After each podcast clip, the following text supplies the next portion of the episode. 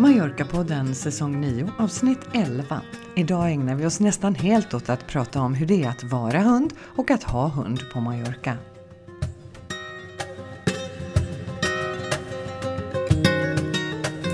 Hej alla lyssnare! Det är jag som är Helena. Och det är jag som är Katarina.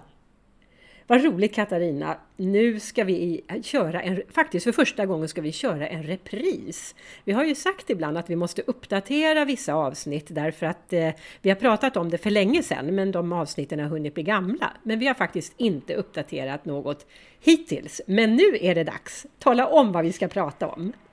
Ja, men idag ska vi ju prata om att vara en perro i Palma. Ja. Alltså ett avsnitt om hur det är att ha hund i Palma. Eller Ja. hund på Mallorca ska vi säga. Ja, eh, och eh, vi har intervjuat en expert och som vi kommer komma fram till. Men eh, vi ska väl eh, höra lite grann först vad vi har gjort sen sist.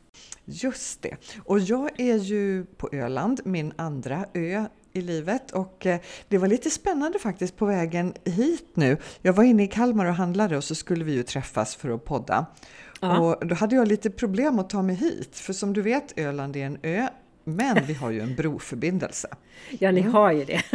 Ja, men idag så funkar inte den bron så jättebra. Det var inget fel på bron i och för sig, men det är 10 000 Harley Davidson på väg till en europeisk träff här Oh, på Öland. wow! Så det var, det var helt galet mycket motorcyklar. Överallt. Men vilken syn! Jag kan ju bara föreställa mig hur det måste se ut på den här bron då, som är så gigantiskt lång och så bara fullt med motorcyklar. Vilken, vilken konstig syn! Ja, men det var faktiskt väldigt häftigt och när jag körde in till Kalmar i somras så mötte jag ju det här gänget. Liksom början av den här ormen liksom som- med motorcyklar som slingrar sig över till ön. Och då Ja. försökte jag ju fota samtidigt, men jag körde ju bil ensam i Mm. bilen så att det var inte så lyckat. Så jag tror inte att jag fick någon bra bild. Men vi ska ju inte prata om Öland och motorcyklar, vi ska ju egentligen vara på en annan ö. Ja, det ska Mallorca. vi. Men du, alltså eh, det finns, de har en motorcykelträff på Mallorca också på våren. Men nu kommer jag inte ihåg riktigt. Jag har inte sett att det har varit sedan Corona. Så att, eh, men jag tror att det är någon gång i april, maj också, en motorcykelträff. Och visst har vi sagt att jag skulle vara med också med min Vespa. Det har fortfarande inte hänt, men jag ser fram emot det nästa år. Men du, det har ju hänt en del eh, nere på Mallorca också, även om vi inte har varit på plats. Mm. Värmen har kommit. Gud vad skönt. De har sommarvärme nu och de sitter på uteserveringar och de har det underbart bara. Mm. Gud vad skönt säger du. Jag tycker ofta att 30 grader är lite för mycket. Jag gillar ju när det är mellan 20 och 25. Det passar mig absolut bäst. Mm, mm. Nej, men jag tycker 30 är okej också. Men eh, Ulf sa väl i förra avsnittet att när det börjar bli 34 då, då, eh, ja, men, då, är, det, då är det inte så skönt längre. Då är det lite jobbigt. Nej. Mm. Mm. Och man anpassar ju många verksamheter efter den här heta sommarvärmen. Som till exempel i Sverige spelar vi ju fotboll från eh, våren över sommaren och har avslutningen under hösten framåt november. Men på Mallorca är det ju tvärtom. De börjar ju på eh, hösten och så spelar de hela vintern och så har de haft sin avslutning nu förra veckan. Mm. Men du, hur har det gått för Mallorca då? Ja, men det var ju det jag ville att du skulle fråga. Ja, jaha. Du vet, de hängde ju på en skör tråd och var tvungna att vinna den där sista matchen mot eh, Asasuna. Och det gjorde de, de vann med 2-0 och därmed så säkrade de eh, att vara kvar i La Liga även nästa år. Åh, så de är kvar nästa säsong. Vad kul! Det här måste vi ju fira. Har du någon kava hemma? Jaha, det har jag absolut. Ja, men Ett vi... litet ögonblick. Men du, eh, ja, men det, det är så himla roligt för nu har de ju åkt lite upp och ner och upp och ner och nu klarar de sig i alla fall kvar. Jag, jag, jag kikade lite bakåt i tiden och vet du, i slutet på 90-talet, början på 2000-talet, då var de superduktiga. Då kom de trea i La Liga 99 och bara ett par år senare så vann de Copa del Rey som är motsvarigheten till Svenska Cupen. Oj då! Ja, men det är Ja. ju fantastiskt. Det är 20 år sedan, men vem vet, vi kanske är på väg tillbaka. Men du, vi har fler sportframgångar på Mallorca. Jaså, berätta, berätta. Mm. Mm. Ja, det var i golf? Ja, inte, inte på Mallorca egentligen, utan i Frankrike, i Paris, på Franska öppna. Så igår, nu ska vi se här, det är onsdag när vi spelar in, i tisdags blir det, så slog Nadal Djorkovic i kvartsfinalen. Så nu är han klar för semifinal. Mm. Och det var kanske inte en skräll, för han är ju väldigt duktig, men jag tror att de flesta hade satsat pengar på Djorkovic, så det var ju superkul. Alltså jag är ju inte så insatt i sportens värld, men någonstans ringer en klocka att den här Djorkovic, att han är rankad etta i världen. Är det inte så? Han är superbra. Ja. Mm. mm. Men du, ska vi eh, kasta oss in i dagens ämne? Ja, det gör vi. Vi ska ju prata om att vara perro i Palma. Och eh, vi, det finns ju ovanligt många hundar i, på Mallorca. Eller så här, det finns, det finns i alla fall många fler hundar på Mallorca än vad det finns i Sverige. Eh, har du, har du koll på hur många hundar det finns på Mallorca? Nej, ingen aning. Jag bara vet att det är väldigt, väldigt många. Både små hundar mitt inne i stan och stora hundar på en, alla finkor ute på landet. Mm det stämmer. Eh, och de här siffrorna som jag har nu, de är från 2021, så de har, det har väl kanske blivit lite fler, men inte så många. Eh, det var ju väldigt många som skaffade hund under Corona till exempel, både i Sverige och på Mallorca. Eh, men eh, 2021 så var det cirka 300 000 hundar bara på Mallorca. Nej men herregud, eh, alltså, är vi inte typ 800, drygt 800 000 människor? Ja, ja, precis. Uppåt 900 000 tror jag. Så det, är, det är väldigt många, nästan en, en, en på var tredje. Och det är fler hushåll på Balearerna som har hund än som har barn. Herregud. Ja, men, och det motsvarande siffra i Sverige då, det vet jag inte hur, hur, hur stor andelen, andelen hushåll med, med barn och hund och sådär. Men eh, mot 300 000 hundar på Mallorca så kan vi jämföra 140 000 hundar i hela Stockholms län. Och då, och alltså då bor det betydligt fler i Stockholms län än på Mallorca? Japp. Så det är, det är otroligt mycket mer. Eh, Men det var lite roligt att få siffror på det, för jag har nämligen tänkt att det är så mycket fler hundar där än här. Ja, jo men det är ju hundar överallt. Alltså man möter ju folk som är ute och går med små hundar, tycker jag. Jag, jag tycker bara jag ser små hundar. Eller nästan bara små hundar i alla fall. Mm, ja, men de är nog övervägande faktiskt. Mm. Den här lilla, jag vet inte, det är någon slags pinscher som man ser väldigt mycket, som man aldrig ser i Sverige, som är som en liten tunna runt magen och så fyra pinniga ben och en liten spetsig nos. Ja, inte så inte så söta egentligen, tycker jag då. Inte, inte, alls, inte alls söta på något sätt, men säkert väldigt charmiga och det finns hur många som helst. Och nu kommer våra lyssnare höra av sig och säga att Helena hon bara säger att hunden inte är söt. nej, men, nej men så här, man tycker ju olika hundar är gulliga. Jag gillar dem som ser ut som små nallar bäst. jag vet precis vilken sort det är och du är ju mm. inte ensam om att tycka att de är sötast. Nej, men alltså det, du, jag, du känner ju en hund som är väldigt söt också. Mm, det ja. gör jag. En som är lite sötare än alla andra. Ja, precis. Och eh, vi ska faktiskt snart träffa honom. Men det var en sak till som jag har läst om hundar på Mallorca som, som jag tyckte var väldigt intressant. Det har ju varit mycket rabalder om folk som lämnar sina hundar ensamma väldigt länge och sådär. Och eh, eh, att de inte behandlas väl alltid. Och nu så har man tajtat, eller nu håller man på att tajta till lagstiftningen. Så jag tror inte att den, jag vet inte om lagen är klubbad eller om den blir det precis nu i dagarna, men den kommer att bli klubbad i alla fall. Och det kommer att medföra att eh, eh, bland annat att du måste gå en utbildning för att få ha hund på Mallorca. Eller i Spanien. Förlåt att jag skrattar. ja, det kommer gälla hela Spanien, så det är inte bara Mallorca, men i Spanien. Ja. Men eh. alltså, måste jag ta ett litet körkort nu för min lilla hund? Eh, alltså om du är resident i Spanien, då måste du ta körkort för hunden och då kommer det antagligen finnas akkrediterade företag liksom som, som kan hålla de här utbildningarna och som ger dig då ett certifikat på att nu har du genomgått utbildningen och därför kan du också, du är också tillåten att ha hund. Eh, okay. Men jag tänker att eventuellt kanske det blir en internetutbildning. Det låter ju jättekonstigt om alla ska behöva gå en utbildning. Ja, ja, det låter ju lite ospanskt, men eh, hur gör man då med eh, till exempel personer som inte har tillgång till internet? Ska man, eh, ja. Men ja, det där blir väl deras problem. Vi kommer ju säkert bli ja. varse. Så det, men men ehm, det är i alla fall det ena. Och det andra är då att de kommer skärpa till reglerna för hur länge man får lämna hunden ensam. Och då skulle man ju tänka sig, jaha, men då har de sagt att det är max fyra timmar eller någonting sånt där. Nej, max 24 timmar får du lämna din hund ensam. Herregud, alltså vi lämnar ju aldrig vår Jycke ensam mer än, som du säger, 3-4 timmar max. Ja. Men då tänker jag så här Helena, att det kan vara hundar som, som lever utomhus. Som springer mm. omkring på gården och har tillgång till mat och vatten. Ja. Ja, det är, men, men, vi hoppas att det här skärper, skärper då, eh, ja, det skärper ju reglerna men också gör folk medvetna om vilket ansvar det innebär att skaffa ett husdjur. För det här gäller inte bara hundar, de har skärpt till eh, reglerna för katter och andra husdjur också. Det som kallas på spanska för mascotas. Mm, det är ett jättegulligt namn tycker jag. Ja, visst är det.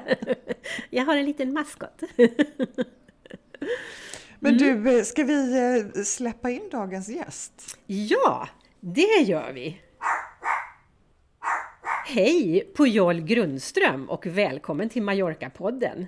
Du är ju redan lite av en kändis hos oss eftersom du gästspelar lite då och då i olika avsnitt när du inte bara kan hålla tyst.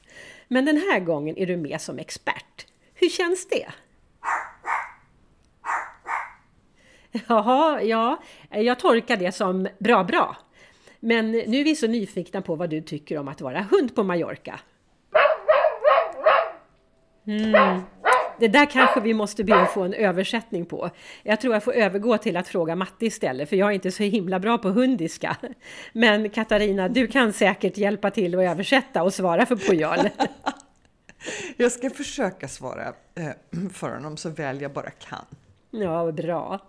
Du, förra gången vi hade ett avsnitt om hundar på Mallorca, då hade du en helt annan hund, eller inte en helt annan hund, du hade en annan hund som hette Ossi.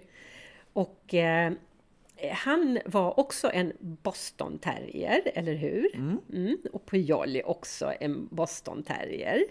Men kan du berätta lite om Pujol? Pujol är tre år. Mm. Han är född i Sverige och han bodde där sina första sju månader. Och sen så åkte vi till Mallorca och så var han där i några månader ända tills eh, Corona gjorde entré och det blev lockdown. Så då flyttade han tillbaka till Sverige mm. och bodde där då i ett och ett halvt år innan han återvände. Men tanken är att i fortsättningen så ska han bo sex månader på Mallorca och sex månader på Öland. Ja, vad härligt. Han är en halvtidsperro och en halvtidshund alltså. Ja, precis. Och det trivs han väldigt bra med. Mm. Och Pujol då, namnet. Han är alltså döpt efter en fotbollsspelare i Barcelona som numera är pensionär. Och den här Pujol, han hade stort lockigt hår. Eh, och alltså det har ju inte vår Pujol. Nej, inte direkt. Han, han har väldigt kort hår och väger ja, typ under 27 kilo ungefär. Åh, ja, vad bra. Men du, är han, eh, hurdan är han i sättet då? Är han kaxig eller? Ja, han, han är väldigt eh, full av energi. Sen är det här en liten ängslig hund. Vår förra hund, han var helt superavslappnad, älskade alla han träffade och kunde följa med vem som helst. Han hade liksom ingen större anknytning till oss, utan han, han, ja, men han gillade alla. Pujol, mm. han är lite ängslig, han vill gärna vara hos husse och matte. Ja. Och är det någon som hotar honom så mm, morrar han lite och kan till och med visa tänderna. Och det gör att andra hundar tycker inte att han är den mysigaste kompisen i världen.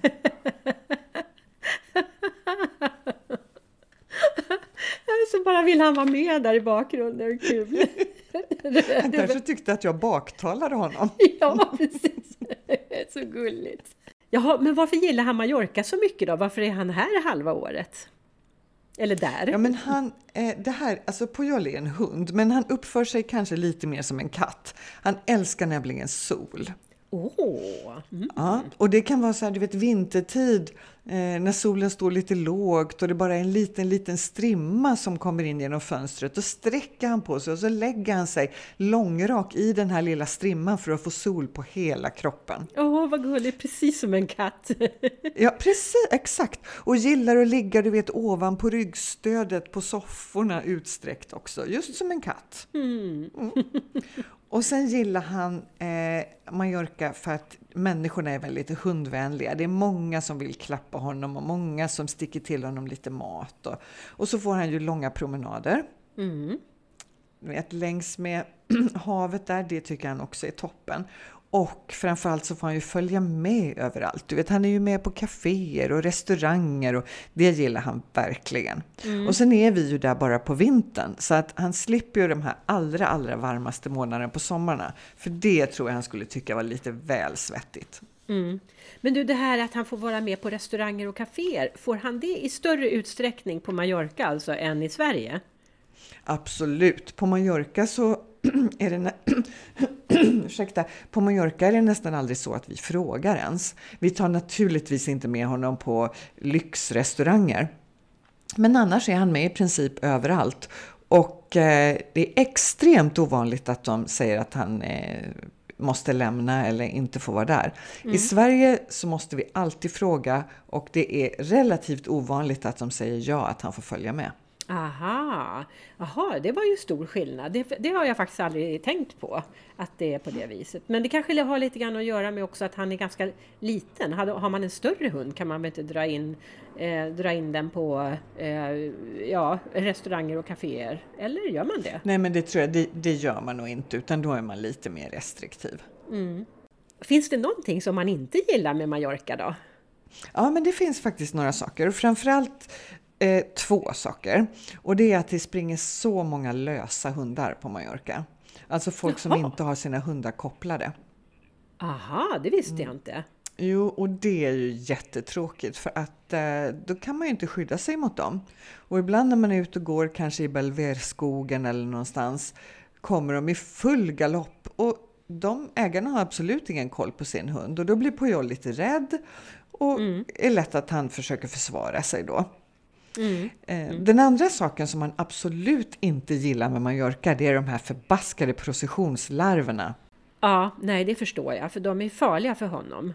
Ja, de är det. Och det är februari mm. till april så kan man se vita, läskiga, luddiga bollar uppe i pinjeträden. Ja. Och de ramlar ner så småningom och så kryper det ut en massa lurviga larver som är ungefär ja, 3,5 cm långa. Och de kopplar ihop sig i långa processioner som kan bli upp till ett par meter och ringla sig fram. Och de här är supergiftiga. Och om en liten nos kommer åt dem, eller kanske en tass som hunden sen slickar på, så får de en allergisk reaktion och hundens tunga sväller. Och det här kan senare leda till en inflammation som blir en kallbrand i tungan. Mm. Och det kan du föreställa dig vad läskigt det är. Ja, men usch ja. Så märker man det här så ska man skölja med vatten så gott man kan och sen ta sig till en veterinär. Mm. Och de, de här larverna då, när de har krypit omkring och kommit till ett bra ställe där de kan krypa ner in i jorden så förvandlas de så småningom till malfjärilar. Och sen hittar de en ny partner och lägger ägg i pinjeträden och så kommer det nya luddiga äckliga bollar året mm. därpå. Så har man hund så ska man undvika pinjeträd under våren. Ja, Jo, det brukar dyka upp i Facebookgrupperna att varning, varning alla hundägare. Nu har processionslarverna kommit och jag har sett den första eller ja, jag såg den här långa. Ja, precis. Ja. Vi har ju fått gå hem. Du vet, vi har varit ute på eh, golfbana till exempel och bara insett att nej, det här är för mycket larver. Vi får åka hem. Eller vi har mm. varit ute och vandrat och fått vända. Så här, nej, det här funkar inte. På, på allmänna platser så är kommunen faktiskt skyldig att behandla och ta bort de här borna. Jaha, okej. Okay, ja. Så in i stan så är man hyfsat safe. Jag har tänkt på ofta också hur det är att flyga med hund, för att det är ju väldigt speciellt. Och hur brukar du och Hans göra med Pujol? Brukar ni ha honom i kabinen eller lägger ni honom i lastrummet?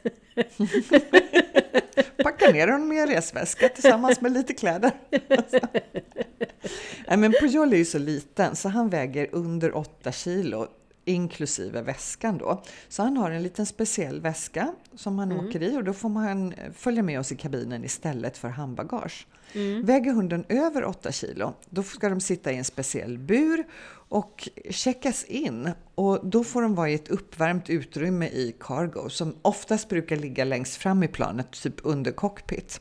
Aha, men du, är det den magiska gränsen 8 kilo? Det gäller på i stort sett alla flygbolag liksom, så det, du kan inte välja ett annat flygbolag och ha en hund som väger 9 kilo? Eh, Nej, det verkar Nej. vara en internationell standard. Ja, ja okej. Okay. Ja. Och så men... kostar det någonstans mellan ja, en 500 och en tusenlapp beroende på vilket flygbolag du väljer. Jaha, ja det kan vara mer än vad du själv behöver betala för biljetten ibland. du, det har hänt fler än en gång. ja. ja, men, men eh, alltså, det måste ju vara väldigt nervöst, känner jag, att stoppa ner hunden i, i eh, cargo. Eller att skilja sig från hunden och låta, och låta den få då resa ensam i en miljö som kanske är lite skrämmande och ovanlig och buller och tryckförändringar och vad det nu är för någonting. Mm. Vi gjorde ju det de första gångerna för Ossi, vår förra hund, var lite större. Mm. Men eh, sen så kom vi på det att de väger inte så där himla noga så, så reste vi med honom i kabinen istället. Men mitt, mitt eh, bästa tips det är ju att redan som liten valp vänja dem vid väskan eller buren så att det blir deras trygga så här, safe place. Ja, ah, jag förstår. Ja. Mm lägga in lite godis och sådär med jämna mellanrum. Ja, men precis. Ja. ja. Sen behöver man ju ett pass när man ska ut och resa. Mm. Och det är ju inte ett pass som ser ut likadant som vårt, utan där står det eh, vilket chipnummer som din hund har. För ska du resa med en hund till Spanien så måste den vara chippad. Eh, och så står det vad det är för ras och dina kontaktuppgifter som ägare. Men framför allt står det vilka vaccinationer som hunden har fått. Och det är det som är det viktiga. Jaja. Och ska man till Spanien så måste hunden vara rabiesvaccinerad. Mm-hmm. Mm. Mm. Jaha, vad kul! Du, eh, apropå det så läste jag i samband med den här lag, eh, nya lagförändringen då, att eh, hundar, måste, hundar kommer registreras med ett eget DNI-nummer, alltså motsvarande våra personnummer. Ja, roligt! Ja. Men det, det är de alltså, det, i Sverige är de ju det redan. Om du inte har en olaglig hund, utan alla hundar har ett litet chip inopererat. Ofta Jaha. sitter det i nacken. Jaha. Så när du eh, går till veterinären till exempel så läser de av det chippet. Mm, ja, det visste mm. inte jag. Mm. mm. Där ser man. Och eh, vad, man dess, vad man behöver göra sen när man ska åka tillbaka till Sverige, som mm. kanske inte så många vet, det är att man måste anmäla hunden hos Jordbruksverket på nätet. Aha. Och då fyller du i till vilken eh, gränsövergång du kommer, om du landar på Arlanda till exempel. Och mm. vad det är för hund och intygar att eh, hunden har de nödvändiga vaccinationer och kontroller som behövs. Okej. Okay. Mm. Och så innan du reser, och det gäller ju oavsett var du ska någonstans, men om du ska flyga utomlands, så ska du eh, gå och kontrollera din hund hos veterinären. Och så ska veterinären intyga i passet att din hund är fit for flight. Bara en före detta flygvärdinna kan vitsa till det på det viset. Eller hur? Ja men du apropå flygvärdinna, finns det några särskilda lounger eller någonting sånt där för hundarna som de kan vara i när, när man... Ja, ja. alltså det här är ju så fantastiskt med Palma och Mallorca. Vi bara älskar att flyga därifrån. Jag har aldrig sett det någon annanstans, men i Palma så är det måste vara den hundvänligaste flygplatsen på jorden. Det finns tre rastgårdar. Det finns ja. en utomhus alldeles till vänster om entrén så går man ner och då är det ett stort gräsfält med så här små skojiga stockar och stenar där hundarna kan leka och det finns vatten och det finns eh, hundpåsar och supertrevligt verkligen, där du kan rasta din hund ända tills det är dags att gå igenom säkerhetskontrollen. Mm. Och då när du kommer upp dit så finns det en stor rastgård även där. Jaha. Liksom ute, om du tänker när du kommer upp för rulltrappan och sen så kan du ju välja att gå antingen vänster eller höger för att mm. gå säkerhetskontrollen. Mm. Då precis bakom dig så finns det en uteplats som också är jättestor och fin med buskar och grus att springa på. Och där finns det också vatten och påsar. Jaha. Mm, så nu senast så eh, köpte vi lite fika där innan säkerhetskontrollen och tog med oss och satte oss ute där vid rastgården och eh, drack kaffe och fikade medan Pujol kunde springa omkring och göra det han behövde. Ja, men och sen för säkerhets skull så finns det en liten rastgård inomhus efter säkerhetskontrollen också. Jaha, inomhus, då som en sandlåda liksom? Ja, precis. Ja. Mm. Vad kul! Men det är, helt, alltså det är helt fantastiskt. Vi är så tacksamma för det. Ja, ja visst. Det låter, ju, det låter ju verkligen som att de har satsat på hundar ordentligt. Mallorca-poddens språkspaning. Så Helena, språkspaning är jag jättesugen på att höra. Ja, men vilken tur då, för jag har faktiskt två språkspaningar. Jag kunde inte låta bli. För vi har ju ett avsnitt som handlar om, om hundar och när det gäller hundar så finns det ju hur mycket kul som helst, roliga idiomatiska uttryck. Och det första som man tänker på är kanske det ligger en hund begraven. Det uttrycket har du hört? Ja, självklart. Ja, och det betyder ju då att det är någonting skumt, det är någonting som inte stämmer med, med någonting. Eh, och, eh, men det kan vara så att det här uttrycket är ett resultat av en felöversättning en gång i tiden.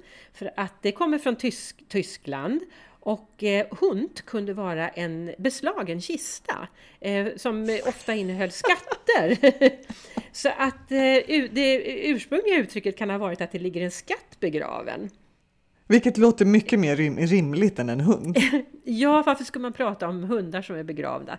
Men alltså, det kan ju vara så också, så det, det här är inte belagt på något sätt. Men eh, det är, det är i alla fall ett, ett ganska troligt antagande.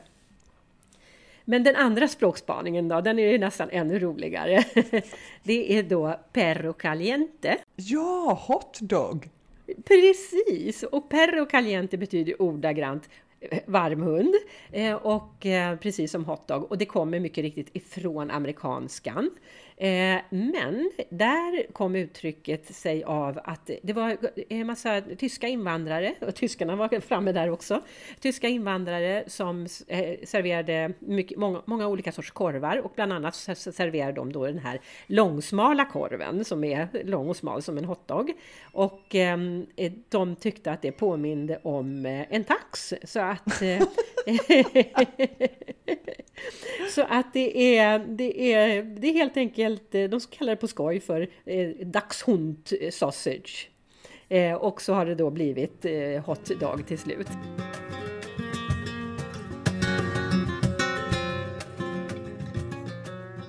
Och har jag berättat för dig när vi flög en gång när det var en hund som smet? Nej. jo, vi sitter längst bak i planet och Pujol sitter i sin väska vid mina fötter. Och sen plötsligt så kommer det en liten svart schnauzer. En liten flicka kommer trippande där i mittgången. Vi bara, men oj, en hund! Liksom. Och så, och så, så gör vi flygvärdinnan uppmärksam på det här och hon säger oj hoppsan, ja men jag tror jag vet var den hunden hör hemma någonstans. Och så var det några rader framför oss så sitter det en man som hon knackar på axeln så här, ursäkta men visst reser ni med en liten svart hund? Jaha, säger mannen, den ligger här i väskan under mina fötter. Ja, fast jag tror kanske inte att den gör det just nu. och så ser vi hur mannen vänder sig om och tittar i mittgången. Och du vet, hans min var helt obetalbar när han ser sin lilla hund vara ute och traska där. Jaha, då hade den smitit alltså. Men du, hon tyckte antagligen att Pujol var lite snygg då. Så här, jag har hört att ni har en snygg kille i väskan här. Kanske. Mm, mm. Men eh, eh, han har ingen flickvän eller så i Spanien eller i Sverige? Nej, det har han faktiskt inte. Nej. Men du, trafiken och sådär, jag tänker det är flera aspekter. Det är ju jättemycket trafik i Palma. Kanske inte precis där ni bor, men så fort ni ska ta er någonstans till fot så måste ni ju ut på de stora avenidasen och, och de här stora trafikerade gatorna. Eh, tycker han inte att det är jobbigt? Men alltså vi, vi håller oss faktiskt mest på de små gatorna. Han är inte jättebesvärad av trafik faktiskt. Men Nej. Det blir så att man går på strandpromenaden och smågatorna i Gamla stan och sådär. Eh, nej, det är inget som vi har funderat över. Nej.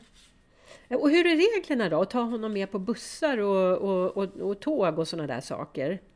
Alltså det har ju varit helt hopplöst tidigare, men från och med i år så är det tillåtet att ha hundar på alla busslinjerna. Men de ska vara antingen i en liten transportväska eller ska de vara kopplade med munkorg. Okej! Ja, och ta en liten hund i väska är gratis, men går de lösa så kostar det 30 cent. Oj då, det var, det var ju inga svindlande summor precis. Jag tänker så här, det måste vara mer, mer administration att hantera det kanske. Eller hur? Ja, Och sen försökte jag ta reda på hur det är med tåg, men eh, jag hittade faktiskt ingen information om det på nätet. Men jag vet att man får inte ta med sig hund på tåget till Sojer i alla fall. det, det, turisttåget, nej. Nej, Nej, okej, nej det är väl begripligt. Kanske. Men du, apropå det här med koppel, och, du sa ju att det är ju regler att man måste ha hunden kopplad på, på bussen och, på, och även på gatan och i, i Ja. Belvedere-parken och sådär. Ja. Ehm, Men förut så vet jag att det fanns någonting med raser som har trubbig nos, att de måste ha munkorg. Nu har ju Pujol t- väldigt trubbig nos. Ja, den Men är så han- trubbig att det inte går på någon munkorg. Nej, precis, jag har funderat på det, men då finns det faktiskt små mjuka tygkorgar. Ja. Eller så här liksom skydd som ett nät. Nej, det, det gäller inte alla trubbnosar, utan det är speciella raser som man kallar för farliga raser. Och de måste ha munkorg. Potentiellt farliga raser. Ja, precis. Ja, Ja, mm. Exakt. Och så får kopplet vara max två meter långt. Och så måste du faktiskt ha ett tillstånd för att ha en sån här hund.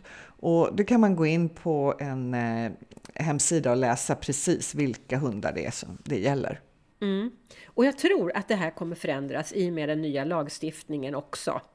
Eh, men jag har inte, inte kunnat få några bra detaljer om det. Men, eh, men det, det blir ju skönt för de som har jätte, jätte, jättesnälla hundar som ändå in, ingår i en potentiellt farlig ras. Helt Mm. rätt. ja. ja. Ja, men du, ska vi prata lite kiss och bajs också? Åh, åh, vad mysigt! Ja, eller hur? Ja, men det är ju någonting som man blir väldigt välbekant med när man har en hund. Man kommer ju så att säga lite mer kontakt med avföringen än vad man gör i vanliga fall. ja, eller hur? Ja, men, när det gäller det så är det precis som i Sverige att man ska plocka upp efter sig. Eh, sen är det lite olika i varje kommun vad det finns för bestämmelser, men runt 300-500 euro i böter om du inte plockar upp efter din hund. Och sen är det så att vissa städer på Mallorca har också regler för att du måste skölja bort när din hund har kissat på hus eller alltså stolpar eller liknande. Så det händer faktiskt att man ser i Palma att folk går omkring med en vattenflaska och vi gör det också ibland. Ja, eh, typ en sån där vattenflaska som man, som man själv har på gymmet, som man trycker lite grann så kommer det som en stråle. Men du, du sa i, i vissa kommuner, i, eh, i Palma kommun till exempel, där måste du, där måste du skölja. Ja, eh, alltså jag, jag har försökt också hitta information om det, men det enda jag hittar information om är att Inka har ett beslut. Möjligen att i Palma att det är en rekommendation. Mm, mm. Men jag kan inte, jag kan inte säga det. Eh, För, för det är verkligen ett problem med allt detta hundkiss överallt. Och det är, det är ett problem i Stockholm skulle jag vilja säga. Våran, våran, eh, vårat hus är från sex- 1862. Det, är liksom, det börjar vittra sönder på vissa knuten och så för att hundarna är där och kissar. Och, eh, och, och det i, I Palma är det ju ettervärre eftersom det finns så extremt mycket hundar där. Eh, Så att det är ju verkligen ett problem. Lyktstolpar, allting. Det bara, det bara vittrar sönder. Och mycket fina, vackra gamla hus. Så vi försöker ju verkligen när vi är ute och går med Pujol på morgonen till exempel, att han får, han får gå i mitten på gatan. Så att han Ja. inte får för sig att lyfta på benet. Förrän vi kommer till den första gröna plätten. Då vet han att där är det fritt fram. Ja. Men du, nu måste jag passa på att fråga, för att jag kommer ihåg när vi pratade om hundar sist och du hade hunden Ossi. Då berättade du att han gillade att kissa på bildäck när han var i Palma. Någonting som han aldrig gjorde i Sverige. Och nu kommer min fråga och det ska bli så spännande att höra svaret. Är det samma med Pujol? Har han tagit efter? Nej, han har inte Han det. kissar inte på bildäck. Alltså det är jättekonstigt, för vi tänkte så här att ja, men såklart att Ossi kissade på bildäck för att alla andra hundar gjorde det. Mhm. Men nej, alltså Pujol, det är inte hans grej. Nej, det var bara Ossi som tyckte att nej, nej det här... Det, jag, För mycket trafik tyckte han. Ja, eller hur? Ska vi skrämma bort de där bilarna? Men apropå det då, då så är det ju, det finns ju ett trick för att, få, för att slippa hundkiss. Eh, och eh, det är många som undrar över det när man kommer till Spanien och inte är eh, Spanien, så stor Spanienresenär. Varför står det såna här vattenflaskor fyllda med vatten överallt? Och det ställer ju folk ut för att inte hanhundarna ska kissa på deras husknutar eller, eller krukor eller vad det nu är som står där. De vill slippa hundkisset. Då ställer man ut vattendunkar. Och det är ju helt obegripligt. På något sätt så får det då vissa hundar att inte kissa. Jag tänker att hundarna kanske kissar på dunken istället. Jaha, du tänker så? Eh, ja, Eller jag vet, jag vet inte. nej. Nej, jag, jag, för det känns ju som att det skulle vara en inbjudan, men jag tror att det är liksom, nej det ska skrämma hundarna. Alltså hundar gillar ju hörn ja, av någon märklig anledning. mm, ja. Ja. Men, Så det är oftast där de står. men Pujol är ju en hanhund, lyfter han på benet mot vattenflaskorna? Eller försöker? Alltså jag Ja. tycker inte det är så mycket vattenflaskor nu längre. Det var mer för, för ett tag sedan. Mm. Ehm, nu tycker jag faktiskt inte att det är så mycket. Men så jag kan inte svara på om han gör det eller inte. Nej, nej okej. Nej, men eh, det är något, eh, något magiskt med de där i alla fall. Och eh, ehm, jag tror att det, eh, det måste funka eftersom folk fortsätter att ställa ut dem. Ja. Ja.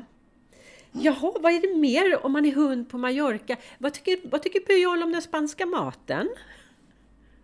Alltså han eh, älskar ju all mat och han är inte så himla kinkig med om det är mat eller inte. Han tuggar gärna i sig lite allt möjligt som ligger på gatorna och skräpar. Så att han är ingen finsmakare. Dessutom så äter han otroligt fort. En normal portion går väl på en sådär 7, 8, 9 sekunder kanske. Det här med att tugga och njuta av smaken, det är inte riktigt hans grej. Det är det inte. Nej, nej, nej. Det var väl, det var väl därför han åt dina strumpor och sådär förut då, när han var lite mindre också. Men eh, ett annat resultat av att det finns så himla mycket hundar i, på Mallorca och i Spanien det är att de har ju miljoner sådana här, eller inte miljoner men jättemånga speciella hundaffärer, hundfrisörer. Alltså det är, finns överallt och jag reagerar jättemycket på när jag ser då Peluqueria de Perro eller Perroqueria som det heter ibland. Det, jag tycker det är så kul att man tar hunden till frisören. Men jag fattar att Pujol inte behöver gå till frisören eftersom han är lite korthårig så. Men... Eh, gå, Lite. men, Han är inte flintskallig på något vis, men han är väldigt korthårig. men brukar ni gå och lördagsshoppa med honom? Går ni till en sån här hundaffär och så säger idag är det lördag Pujol, då får du välja vad du vill ha här idag. Alltså inte på lördagar, men när han fyller år så får han alltid, då går vi alltid till en hundaffär. Åh. Och så får han, eh, ja men vi, vi köper något stort smaskigt ben, kanske någon leksak sådär, så att han känner att det här är en alldeles speciell dag. Ja, det är hans dag. Sen finns det ju så mycket mysiga butiker att bara gå och titta i, som har så mycket fina hundbäddar och kläder och vackra koppel och sådär. Det, finns, det är ju en svensk man som eh, driver en butik i Palma som heter Palma Dog. Jaha, Som är helt fantastisk. Ja. Åh, vad mycket fina saker de har där. mm, vad kul. Ja, men eh, du, jag vet inte om jag har några mer frågor till Pujol nu, men eh, jag får tacka så mycket för att eh, eh, Pujol ville vara med i den här intervjun och jag önskar lycka till med Perro, Perro i fram, framtiden. Pujol tycker det var jättetrevligt att få vara med och han säger till mig här att han tycker ändå att jag har svarat hyfsat bra på frågorna. Så han är väl representerad, gud vad bra. Mallorca-poddens restaurangspaning. Katarina, nu vill vi höra om du har några bra restauranger att rekommendera till lyssnarna. Jag har en bra restaurang att rekommendera, inte bara till lyssnarna utan även till deras hundar. Oh, wow, ja, det för, förstås, det passar ju alldeles utmärkt. Precis. Det här är en liten restaurang som ligger mitt inne i Palma. eh, på en tvärgata till Bonaire. Restaurangen heter Santosha. Santosha är sanskrit och betyder belåtenhet. Och eh, det är Ruth och Aaron som driver den här lilla restaurangen och den är inrymd i ett av Palmas fantastiska gamla hus. Eh, Stilen är lite eklektisk och jordnära och sådär och man känner sig direkt supervälkommen. Och de har öppet onsdag till söndag klockan 10 till 16. Så de är framförallt inriktade på brunch och lunch. Och det vet du vad jag tycker om brunch. Ja, det är en av mina favoriter. Det är det verkligen. Ja. Och hundar Och är välkomna.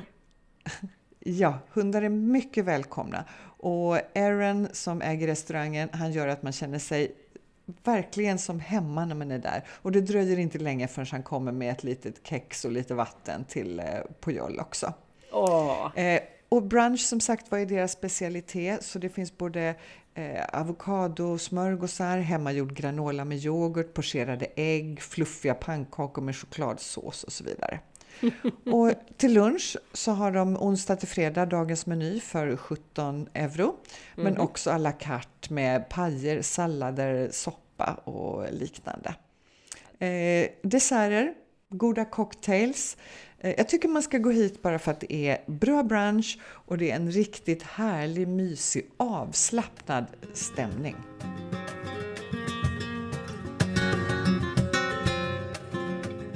ska vi börja avrunda, men vad är det som händer framåt? Ja, men jag, jag har bara två saker som jag gärna vill tipsa om och det ena är att Magaluf ska få en hippie market. Precis som i Ibiza, vad coolt! Ja. Precis! Alltså nu är det ju så roligt för att kommunen de vill ju liksom ändra turistprofilen för eh, Magaluf. Och jag vet inte riktigt om man gör det med hjälp av en hippiemarknad. Alltså, de byter alkoholen mot marijuana kanske. ja, men lite så tänkte jag också. Fast när man läser beskrivningen så står ju inte det omnämnt någonstans, utan då är det liksom restauranger, barer och kaféer som tillsammans med hantverksföreningar, konstnärer och andra kreativa grupper med hjälp av bidragspengar har gjort det här kulturprojektet.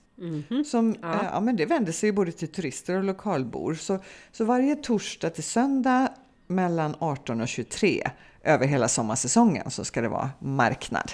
Och vad roligt! Då måste jag åka dit, för jag har nämligen köpt eh, biljett till Mallorca nu, så att jag åker den 19 juni.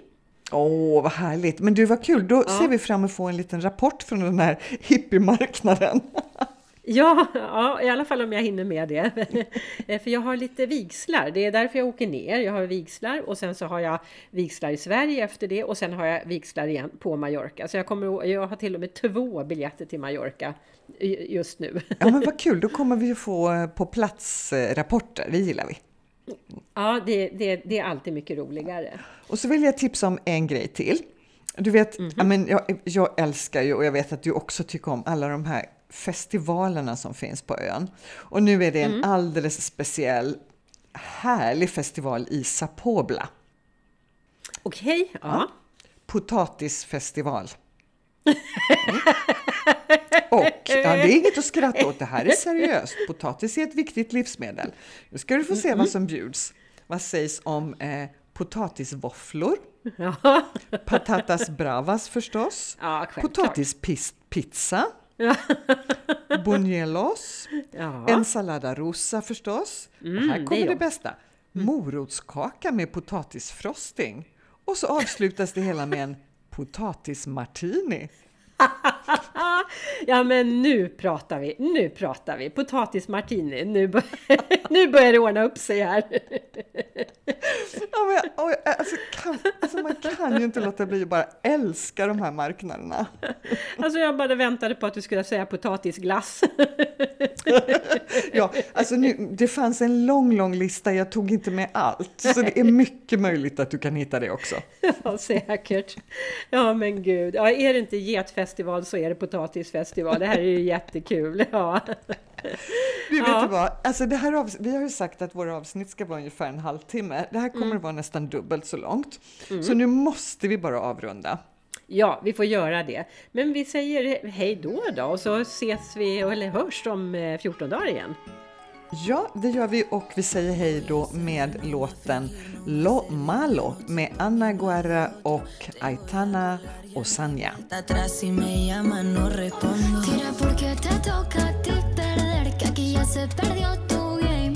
Tiro porque me toca a mí otra vez, solo con perderte.